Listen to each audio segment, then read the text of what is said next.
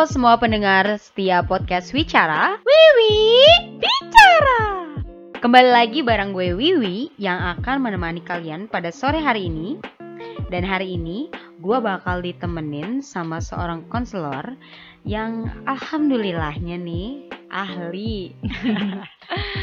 Iya nih, alhamdulillah udah punya gelar kons. Ya alhamdulillah ya. Nah silakan nih Kak Sukma perkenalkan dirinya sama seluruh uh, sobat setia podcast Bicara Oke, halo sobat podcast bicara semuanya. Saya Sukma Rahmawati.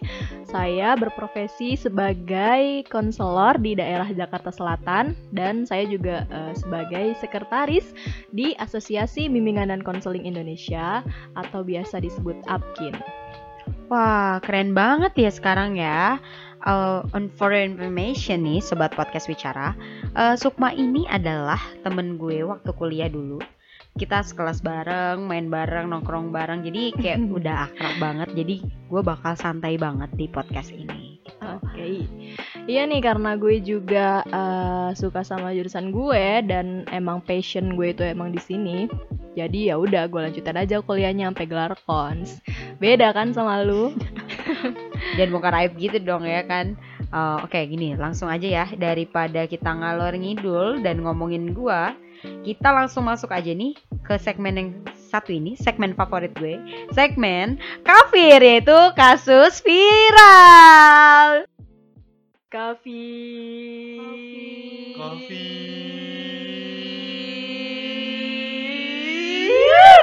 Kasus viral. Oke kali ini gua bakal bahas sebuah kasus dari Amerika Serikat Ini adalah kasus dari Dr. Hamed Dr. Hamed ini adalah seorang psikiater yang eh, dia ini eh, cukup terkenal di Amerika karena sebuah kasus yang baru-baru aja terjadi. Sebenarnya nggak baru-baru banget sih. Nah, jadi Dr. eh, Hamed ini eh, videonya disebarluaskan sama salah satu pasiennya di web. Jadi videonya diedit sedemikian rupa sehingga Dr. Hamed ini terlihat sangat-sangat tidak profesional. Dalam salah satu videonya itu ada kata-kata seperti ini. gue bakal nyontoin sebagai pasien dan Dr. Hamed ya. Eh, gue sebagai pasien dulu. Dr. Hamed, saya merasa tidak ada yang mendengarkan saya. Tidak ada seorang pun yang mendengarkan apa yang sebenarnya saya katakan. Lalu diedit sedemikian rupa, Dr. Hamid itu jawabannya, saya bisa melihat Anda, tapi saya tidak bisa mendengar apa pun yang Anda katakan. Terus ada lagi, eh, pasiennya bilang, orang tua saya hanya tertarik pada saudara kandung saya yang sempurna. Dia ingin membicarakannya, nggak dan sepertinya nggak ada yang mau bicara tentang saya. Bicara pada aku, dan ya nggak ada. Lalu dokter Hamid bilang, saya ingin tahu, apa kita dapat berbicara tentang saudaramu? Lalu eh, yang terakhir, aku nggak tahan lagi. Saya akan gantung dengan, saya akan gantung diri dengan tali ini. Lalu dokter Hamid berkata, ide yang bagus. Saya harap Anda akan melakukannya. Jadi, setelah video ini viral, Dr. Hamid benar-benar kehilangan reputasinya sebagai seorang psikiater. Nah, Dr. Hamid ini sekarang sudah mengambil langkah untuk melaporkan pelaku pasiennya sendiri di salah satu firma hukum terkuat di Amerika. Nah, Dr. Hamid ini pengen uh, menuntut gitu. Sampai Dr. Hamid tuh bilang bahwa beliau tidak menyadari bagaimana teknologi yang digunakan sudah mengubah sifat praktiknya, mempengaruhi privasi yang dia katakan dan ia lakukan sebagai terapis di kantornya sendiri. Dr. Hamid yang marah ini langsung melaporkannya gitu. Dan sampai sekarang uh, perkembangan kasusnya uh, masih uh, belum selesai. Nah, lo uh, sebagai konselor gimana sih tanggapan lo, pandangan lo ngelihat kasus ini? Eh, Oke, kasus ini gue udah pernah eh, dengar sebelumnya, videonya juga gue udah pernah lihat.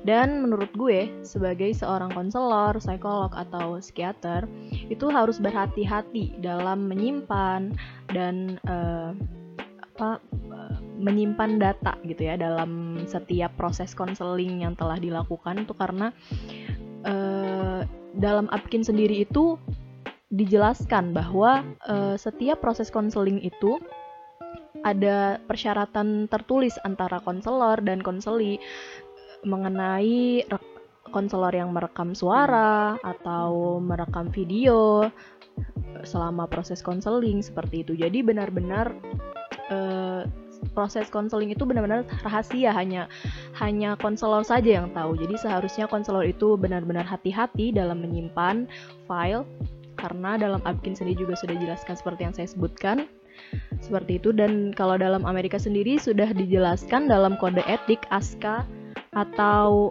MBCC seperti itu. Jadi sudah jelas tertulis dalam kode etik kita maupun di Amerika sana tuh sudah jelas tertulis seperti itu, Pak. Oke, jadi uh, sebenarnya video-video ini tuh berarti emang dokumen pribadinya Dokter Hamed ya. Dan emang sih gue inget eh, font ini ya untuk gue bagiin aja sama sobat uh, Wicara bahwa setiap kita melakukan praktik sebagai seorang konselor dan kita menggunakan uh, alat rekaman, nah maka hasilnya itu harus langsung dihapus setelah kita melakukan uh, apa pembuatan laporan gitu kan. Jadi ini kok bisa kayak gini ya Mbak? Nah betul sekali. Uh, kemungkinan besar itu dicuri atau ada kesalahan mungkin dalam penyimpanan file atau seperti apa gitu saya kurang tahu ya kurang paham dan uh, apalagi profesi kita ini tuh sangat menjunjung tinggi ya adanya uh, asas kerahasiaan dan dengan adanya kasus ini tuh akan membuat banyak orang itu semakin tidak percaya atau tidak mau lagi untuk menceritakan masalah mereka kepada uh, konselor, psikolog atau psikiater dan mungkin angka-angka uh, orang yang memiliki kesehatan mental itu akan semakin uh, rendah dan akan semakin terus bertambah seperti itu. Lalu Mbak, apa sih yang sebaiknya kita lakukan gitu untuk menangani masalah-masalah seperti ini? Uh, untuk kasus Dr. Hamid sendiri kan uh, sudah melapor ya, maka kita tinggal tunggu saja hasilnya dan kita tunggu aja, kita lihat bagaimana prosesnya.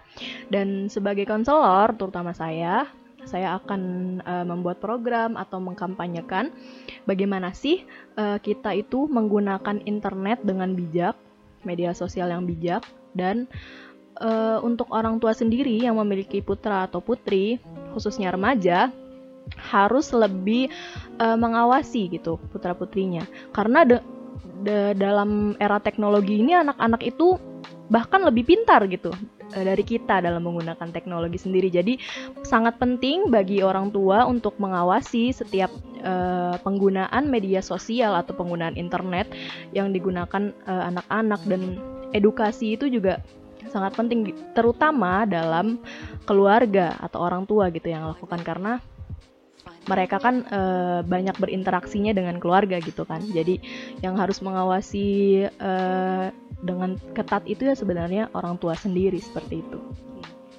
Oke Mbak, jadi dari tadi nih kita bahas soal kasusnya dan uh, saya setuju banget ya. Gue gue setuju banget sih untuk uh, melakukan hal-hal itu biar uh, masyarakat lebih aware untuk mengawasi anak-anak mereka supaya kita juga bijak dan kadang mungkin kita sendiri adalah pelaku uh, dari orang-orang yang nggak bisa bertanggung jawab di Betul media sekali. sosial gitu.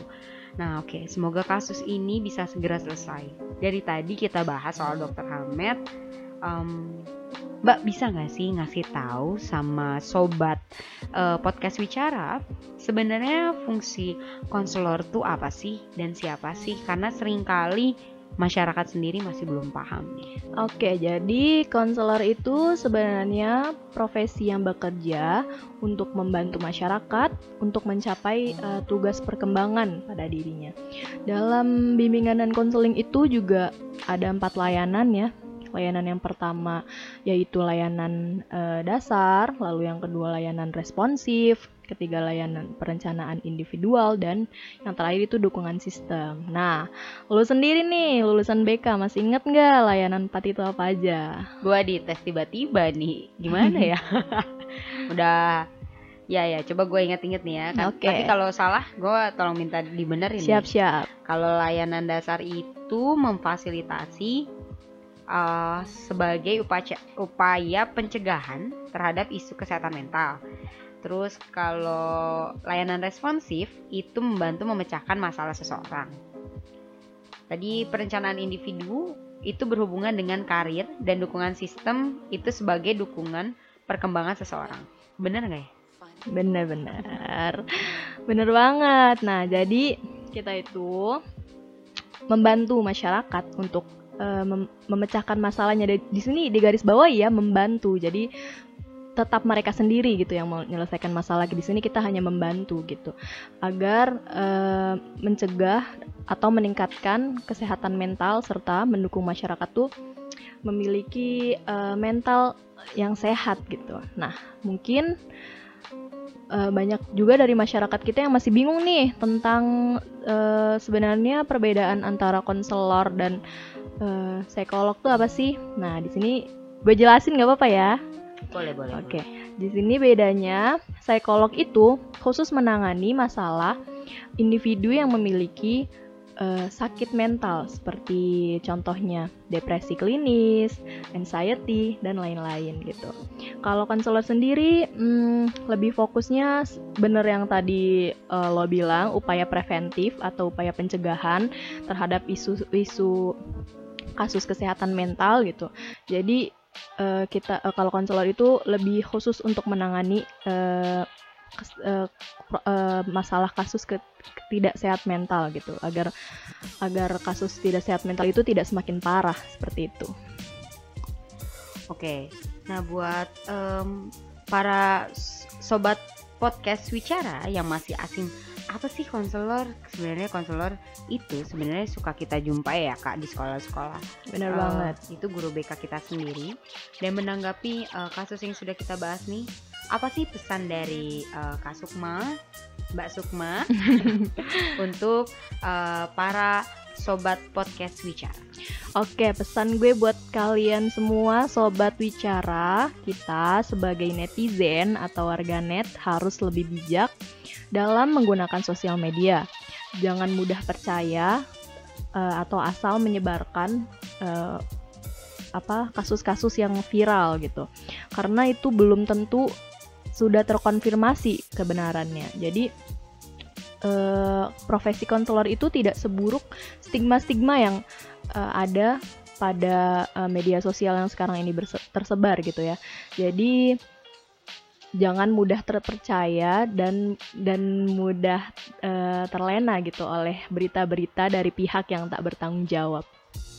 Oke, gue setuju banget nih sama eh, apa ucapannya Mbak Sukma tadi. Buat eh, kita sebagai warganet harus hati-hati. Kalau misalnya mau share video, eh, nge-tweet sesuatu, bikin caption sesuatu, bikin Insta story dan lain-lain karena eh, zaman sekarang itu gampang banget ya. Jejak digital tuh emang nggak bisa hilang. Betul banget. Itu itu parah banget dan kita bisa bisa aja ternyata tanpa sadar ngerusak reputasi hidup seseorang kayak gitu. Jadi buat sobat uh, podcast bicara uh, ini ap- adalah poin di mana uh, kita melakukan uh, podcast pada hari ini dan harus gua akuin ini seru banget. Makasih sama Mbak Sukma atas waktunya. Sama-sama.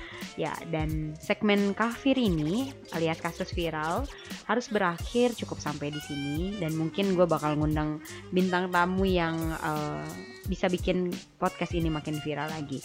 Oke, sampai ketemu di podcast bicara selanjutnya.